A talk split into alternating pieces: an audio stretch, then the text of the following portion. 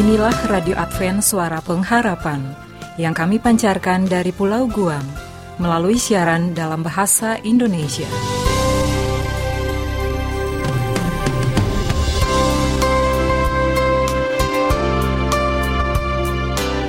Salam sejahtera kami ucapkan kepada Anda di seluruh Nusantara. Selamat berjumpa kembali dengan Radio Advent Suara Pengharapan.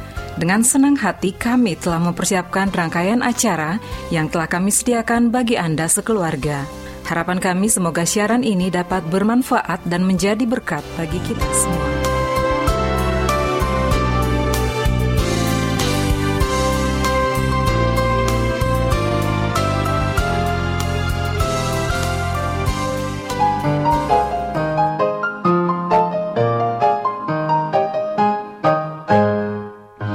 Pendengar Radio Advent Suara Pengharapan yang budiman di mana pun Anda berada. Kita bertemu kembali dalam ruang komunikasi rumah tangga. Acara ini akan membahas banyak tentang komunikasi rumah tangga. Persembahan khusus bagi keluarga Indonesia. Acara ini diasuh oleh seorang pakar komunikasi keluarga, Dr. Niko JJ Koro. Ia akan didampingi oleh Ayura Yosep Manik. Selamat mendengarkan, Tuhan memberkati.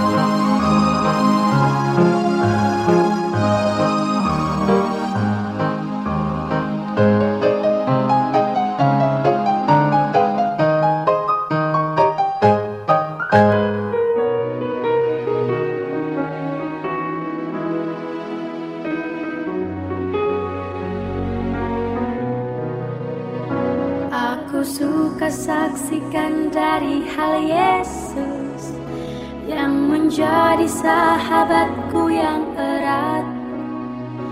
Perubahan diriku yang seutuhnya Hanyalah oleh kasih juru selamat.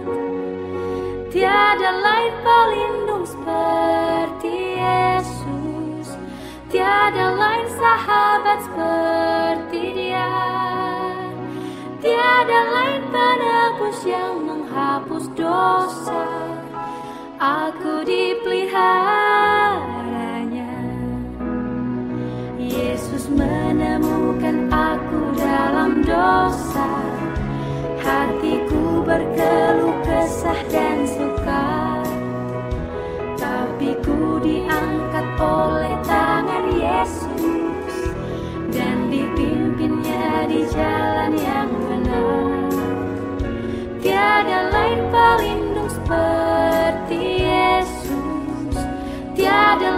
sahabat seperti dia. Tiada lain penebus yang menghapus dosa. Aku dipeliharanya. Tiap hari Tuhan beri janji yang baru. Bertambahlah aku insaf kasihnya Tapi tak ku mengerti tebusan itu. Hingga kelak ku lihat Yesus di surga. Tiada lain pelindung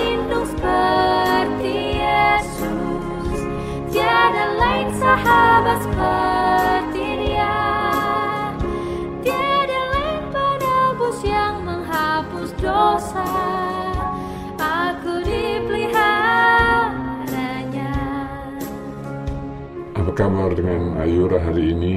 Puji Mudah-mudahan semuanya demikian pula dengan suami dan seluruh keluarga Anda senantiasa diberkati Tuhan. Amin. Demikian pula kami harapkan seluruh keluarga para pendengar kita Radio Suara Pengharapan di mana pun Anda berada sekeluarga hari ini. Mudah-mudahan berkat Tuhan yang Maha Kasih senantiasa ada beserta sekeluarga Anda atau keluarga Anda. Amin. Terima kasih Pak Niko kembali sudah hadir saat ini. Terima kasih Pak, semuanya berada dalam keadaan sehat walafiat Ya. dan bersuka cita. Harapan kami juga demikian para pendengar untuk Anda dan juga keluarga. Nah, sekarang bagaimana dengan keadaan Pak Niko sendiri? Oh puji Tuhan Ayura, terima kasih. Kami sekeluarga berada dalam keadaan sehat walafiat. Selalu tentu demikian pula harapan kami dengan keadaan Ibu Ayura sekeluarga. Betul, agar sama-sama Tuhan Pak. selalu menuntun dan membimbing kita sehingga kita semua selalu boleh memilih jalan benar di dalam proses kehidupan kita, bukan? Amin. Wah, para pendengar kami senang untuk bersama dengan Anda kembali dan kalau Anda perhatikan tadi salam pembukanya Pak Niko ada yang sedikit berbeda ya. Sepertinya ini terkait dengan judul kita hari ini para pendengar karena saya sudah lihat judul diskusi kita saat ini satu topik diskusi yang baru Penyangkalan diri di dalam rumah tangga. Wah, makanya tadi Pak Niko katakan supaya kita boleh memilih jalan yang benar dalam proses kehidupan kita. Saya mulai uh, melihat dengan judulnya ternyata memang terkait loh para pendengar. Dan ini judul yang mendalam. Dan saya percaya uh, Pak Niko pasti punya alasan untuk mengangkat judul ini dan mungkin saya akan awali pertanyaannya makna dan arti penyangkalan diri itu loh Pak. Ya, terima kasih Yura. Nah, agar jelas bagi kita makna dan arti penyangkalan diri, tolong bacakan firman Tuhan dalam Matius 16 ayat 24. Silakan Yura. Baik para pendengar, kita akan baca bersama firman Tuhan Matius 16 ayat 24. Silakan Anda buka dalam kitab suci Anda, saya akan bacakan untuk kita semua. Lalu Yesus berkata kepada murid-muridnya, "Setiap orang yang mau mengikut aku, ia harus menyangkal dirinya, memikul salibnya dan mengikut aku. Demikian, Pak. Agar kita dapat lebih mengerti akan makna dan arti Matius 16 ayat 24 ini, tolong bacakan ayat tersebut dalam Alkitab terjemahan bahasa Indonesia sehari-hari. Silakan, oh, baik. Jadi ini supaya menolong ya, pemahaman ya, Pak ya. Menolong pemahaman. Baik. Para pendengar, saat ini saya akan bacakan dalam versi bahasa Indonesia sehari-hari, Matius 16 ayat 24. Kemudian Yesus berkata kepada pengikut-pengikutnya, Orang yang mau mengikut aku harus melupakan kepentingannya sendiri, memikul salibnya, dan terus mengikuti aku. Wah, jadi di sini uh, terlihat ya Pak ya, penyangkalan diri itu tidak lain dari seseorang yang harus melupakan kepentingannya sendiri Ya. Seperti itu Pak ya, ya yang menjadi pokok sekali. utama bahasan kita hari ini kan? Betul sekali. Ya benar sekali. Sebab bila kita hanya berfokus pada kepentingan diri kita sendiri, maka apa yang terjadi adalah kita hanya akan memikirkan diri kita sendiri. Mm -hmm. Dan seharusnya kita selalu belajar untuk berfokus pada apa yang tertulis dalam firman Tuhan Matius 6, 33 ayat 33. Tolong bacakan dulu firman Tuhan tersebut. Ayo silakan. Baik, saya yakin para pendengar juga banyak yang bisa yeah. mengingat ayat ini dengan sangat baik ya. Ini ayat yang cukup populer. Matius 6 ayat 33. Tetapi carilah dahulu kerajaan Allah dan kebenarannya, maka semuanya itu akan ditambahkan kepadamu. Jadi Pak, kalau yang saya lihat yang dinyatakan dalam firman ini adalah prioritas utama dalam kehidupan kita adalah kerajaan Allah dan ini salah satunya tentu bisa dipenuhi dengan membaca firman Tuhan, bukan? Ya, sebab Tuhan selalu inginkan agar kita manusia menjadi seperti apa yang dimaksudkan di dalam tujuan penciptaan kita manusia. Hmm. Seperti apa yang tertulis dalam buku Kejadian 1 ayat 27, maka Allah menciptakan manusia itu menurut gambarnya. Mm-hmm. Menurut gambar Allah diciptakannya dia, laki-laki dan perempuan diciptakannya mereka. Mm. Jadi jelas bahwa kita semua, demikian pula dengan Ayura dan saya, demikian pula seluruh pendengar radio suara pengharapan, di mana kita semua diciptakan sesuai dengan gambar Allah atau citra Allah. Oke. Okay. Makanya kita diciptakan bukan menjadi monyet atau sejenisnya. Dan bila kita telah diciptakan sesuai dengan citra Allah, maka seyogianya kita bukanlah orang yang mau mementingkan diri sendiri, bukan? Hmm. Sebab Tuhan tidak memiliki sifat seperti itu. Tolong bacakan juga apa yang tertulis dalam firman Tuhan Yakobus 3 ayat 14 dan 16. Silakan Yura. Baik, para pendengar, kali ini kita akan membuka kitab Yakobus pasal yang ketiga ayat 14 dan 16. Saya akan bacakan untuk kita semua. Ayat yang ke-14. Jika kamu menaruh perasaan iri hati dan kamu mementingkan diri sendiri, janganlah kamu memegahkan diri dan janganlah berdusta melawan kebenaran. Ayat yang ke-16. Sebab di mana ada iri hati dan mementingkan diri sendiri, di situ ada kekacauan dan segala macam perbuatan jahat. Wah, ini ayatnya sudah tidak bisa lagi dikatakan uh, uh, samar-samar ya. Ini sangat jelas ya Pak ya. Ya betul. Sifat iri hati mementingkan diri sendiri dan memegahkan diri, sikap seperti itu menjadi sumber segala macam perbuatan jahat. Ya, itu benar sekali. Ayura. Itulah sebabnya Rasul Paulus mengungkapkan hal ini dalam firman Tuhan 2 Timotius 3 ayat 2. Tolong bacakan firman Tuhan tersebut. Ayura, silakan. Baik, kali ini para pendengar kita buka dari 2 Timotius pasal 3 ayat yang kedua. Manusia akan mencintai dirinya sendiri dan menjadi hamba uang. Mereka akan membual, menyombongkan diri, mereka akan menjadi pemfitnah, mereka akan berontak terhadap orang tua dan tidak tahu berterima kasih, tidak mempedulikan agama. Wah, rupanya sifat mementingkan diri sendiri ini jadi kecenderungan sifat manusia di zaman modern ini ya Pak ya.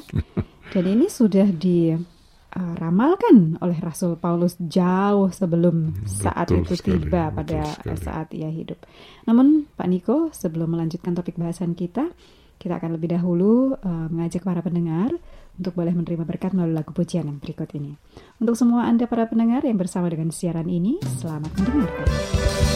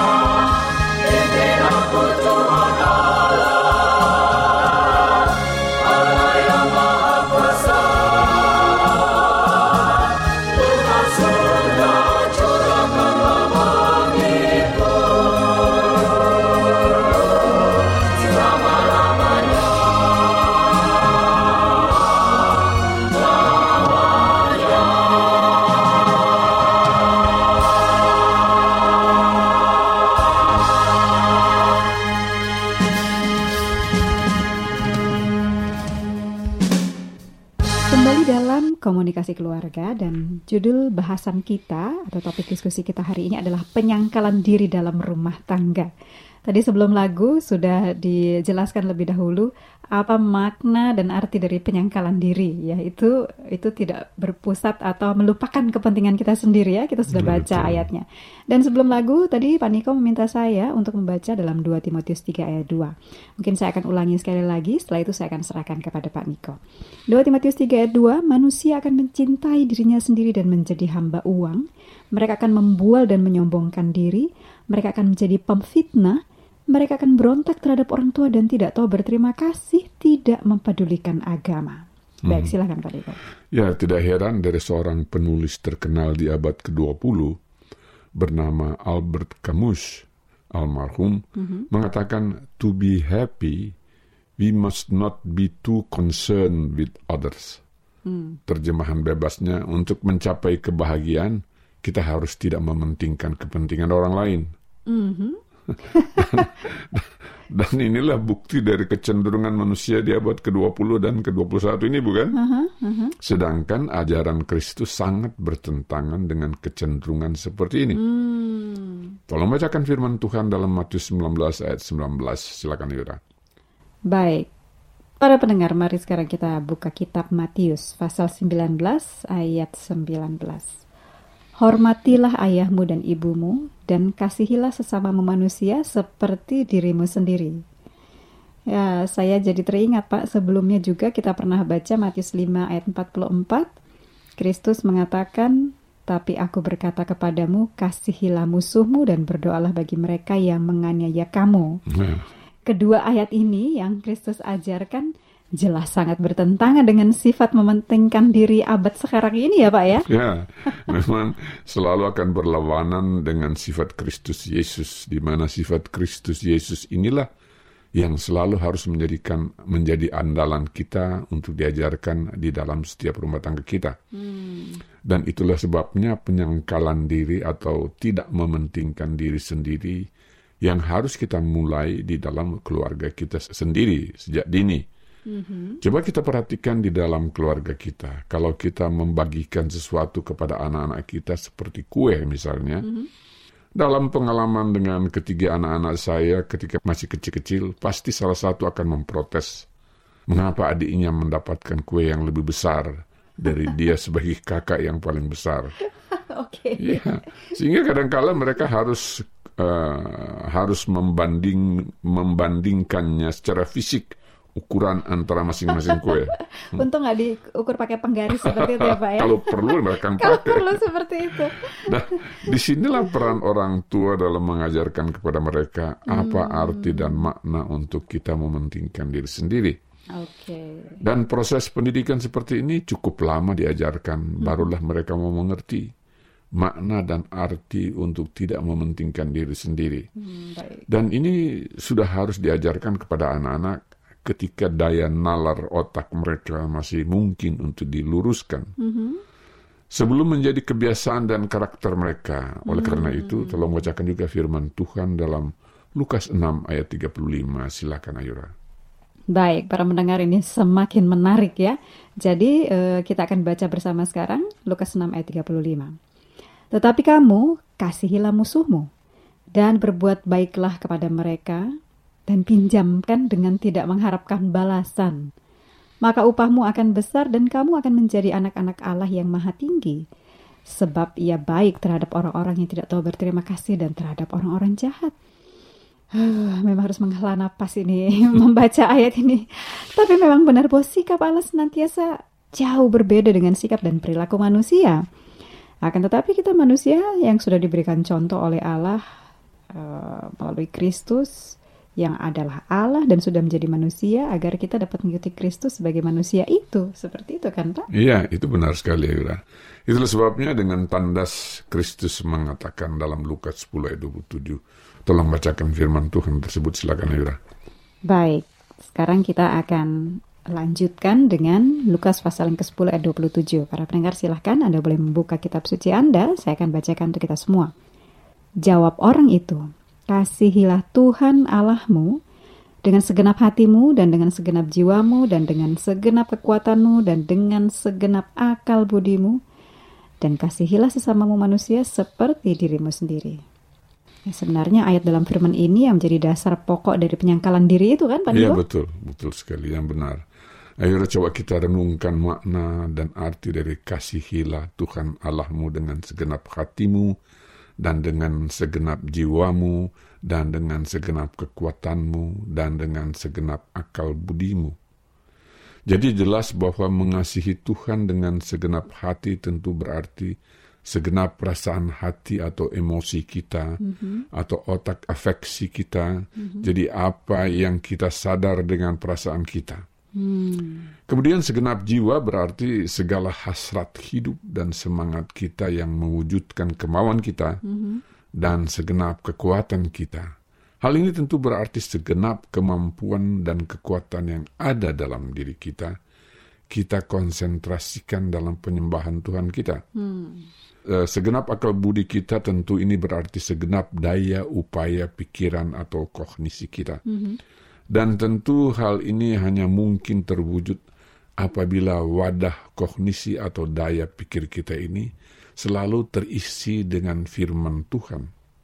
Oleh karena yang terakhir inilah yang dapat merangkum seluruh daya pikir atau kognisi dan afeksi atau perasaan kita tertuju kepada Tuhan sebagai sang pencipta kita.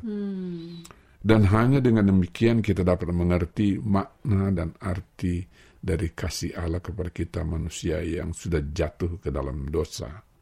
Dan hanya dengan dasar kasih ini kita sanggup untuk mengasihi sesama manusia kita seperti diri kita sendiri. Dengan demikian kita dapat melepaskan diri dari sifat atau kecenderungan untuk mementingkan diri sendiri. Baik, seperti itu ya Pak ya, Ya, betul. penjelasannya.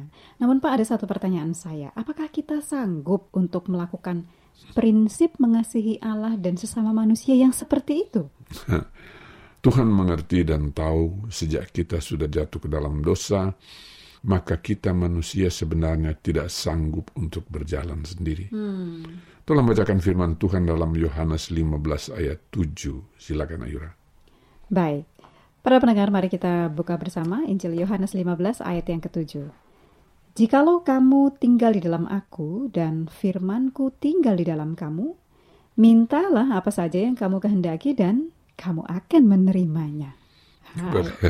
Terima kasih biasa. Ayura. Oleh karena itu sebelumnya Yesus sudah mengungkapkan dalam Yohanes 15 ayat 5 yang sering kita Betul. bacakan. Ya, Akulah pokok anggur dan kamulah ranting-rantingnya. Barang siapa tinggal di dalam aku dan aku di dalam dia, ia berbuah banyak. Sebab di luar aku kamu tidak dapat berbuat apa-apa. Ya, memang di luar Yesus Kristus kita tidak dapat berbuat apa-apa. Itulah sebabnya Yesus senantiasa berdoa kepada Allah Bapa di sorga untuk kita diberikan pendampingan roh kudus. Tolong bacakan firman Tuhan dalam Yohanes 14 ayat 15 sampai 17. Silakan Ayura. baik. Para pendengar, mari kita baca bersama masih di Injil Yohanes, sekarang pasal yang ke-14 ayat 15 sampai 17. Jikalau kamu mengasihi aku, kamu akan menuruti segala perintahku. Aku akan minta kepada Bapa dan ia akan memberikan kepadamu seorang penolong yang lain, supaya ia menyertai kamu selama-lamanya, yaitu roh kebenaran. Dunia tidak dapat menerima dia, sebab dunia tidak melihat dia dan tidak mengenal dia. Tetapi kamu mengenal dia, sebab ia menyertai kamu dan akan diam di dalam kamu. Ya, terima kasih Ayura. Jadi penyangkalan diri atau tidak mementingkan diri sendiri hanya dapat diwujudkan oleh pertolongan Roh Kudus. Wah, luar biasa. Terima kasih Pak untuk mengangkat topik eh, yang kita perlukan hari ini, yaitu penyangkalan diri di dalam keluarga. Dan terima kasih perhatian Anda para pendengar. Kami juga mengucapkan shalom dari studio. Mengakhiri perjumpaan kita, Pak Niko akan melayangkan doa bagi kita semua. Silakan Pak. Para pendengar eh, Radio Advent Suara Pengharapan di mana pun Anda berada, marilah kita berdoa. Terima kasih ya Tuhan oleh sebab melalui diskusi tentang firman-Mu, kami telah lebih diyakinkan bahwa firman-Mu itu telah hidup di dalam hati sanubari kita. Ya. Dan biarlah iman dan percaya kami senantiasa boleh dikuatkan melalui roh kudus-Mu Tuhan. Ya. Sehingga bila mana Engkau datang pada kali yang kedua menjemput kami, umat-umat-Mu, iman kami masih tetap kuat dan semua mau bersandar kepadamu Tuhan. Ya. Sebab kami sadar melalui firman-Mu bahwa di luar Engkau, Kristus, kita tidak dapat berbuat apa-apa. Terima kasih Tuhan, ampunkan kami. Ya. Tuhan dari segala dosa kami dan pelanggaran kami, agar kami selalu boleh berlayak di hadapan hadirat-Mu Tuhan. Terima kasih di nama Tuhan Yesus Kristus, Juru Selamat kami. Amin.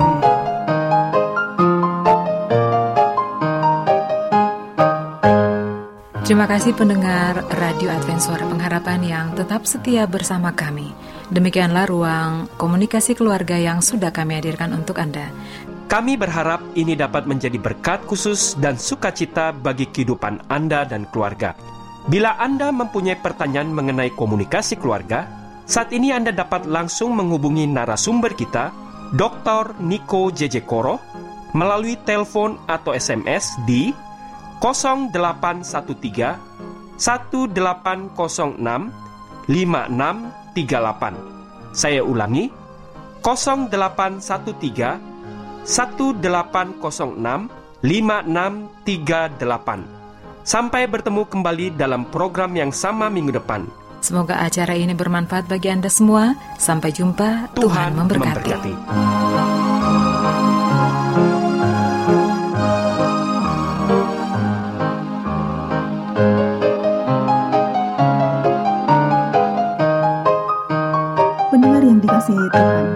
Tahun ke-35 pelayanan AWR Indonesia, kisah dan kesaksian pendengar terkait siaran dan pelayanan audio kami terus-menerus dikompilasi. Terima kasih banyak untuk yang sudah menyampaikan dan masih terbuka bagi Anda semua untuk segera SMS atau telepon ke nomor AWR di 0821 1061 1595 atau 0816 1188 302 untuk WhatsApp dan Telegram. Kami tunggu para pendengar dukungan Anda. Tuhan selalu pimpin aku pada jalan yang lurus. Bagaimana, Bagaimana boleh aku sangka Tuhan yang tulus? Banyak godaan menimpa, ku berlindung padamu. Ku bergema dalam susah, karena Yesus sertaku. Ku bergema dalam susah, karena Yesus sertaku. Pendengar setia dan budiman yang kami kasihi, Demikianlah seluruh rangkaian program acara yang dapat kami persembahkan. Apabila Anda mempunyai pertanyaan atau Anda ingin mengikuti pelajaran Alkitab Suara Nubuatan, Anda boleh menghubungi kami dengan mengirimkan surat ke Radio Advent Suara Pengharapan, PO Box 8090 Jakarta 12810 Indonesia, atau email ke awrindonesia@yahoo.co.id. Telepon 0821 1061 1595. Anda juga dapat bergabung di Facebook kami, pendengar Radio Advent Suara Pengharapan. Juga Radio Advent Suara Pengharapan. Terima kasih kami ucapkan bagi Anda semua pendengar kami yang setia. Kita, akan berjumpa kembali, pada waktu dan gelombang yang sama pada esok hari. Salam kasih dan sejahtera. Kiranya Tuhan memberkati kita semua.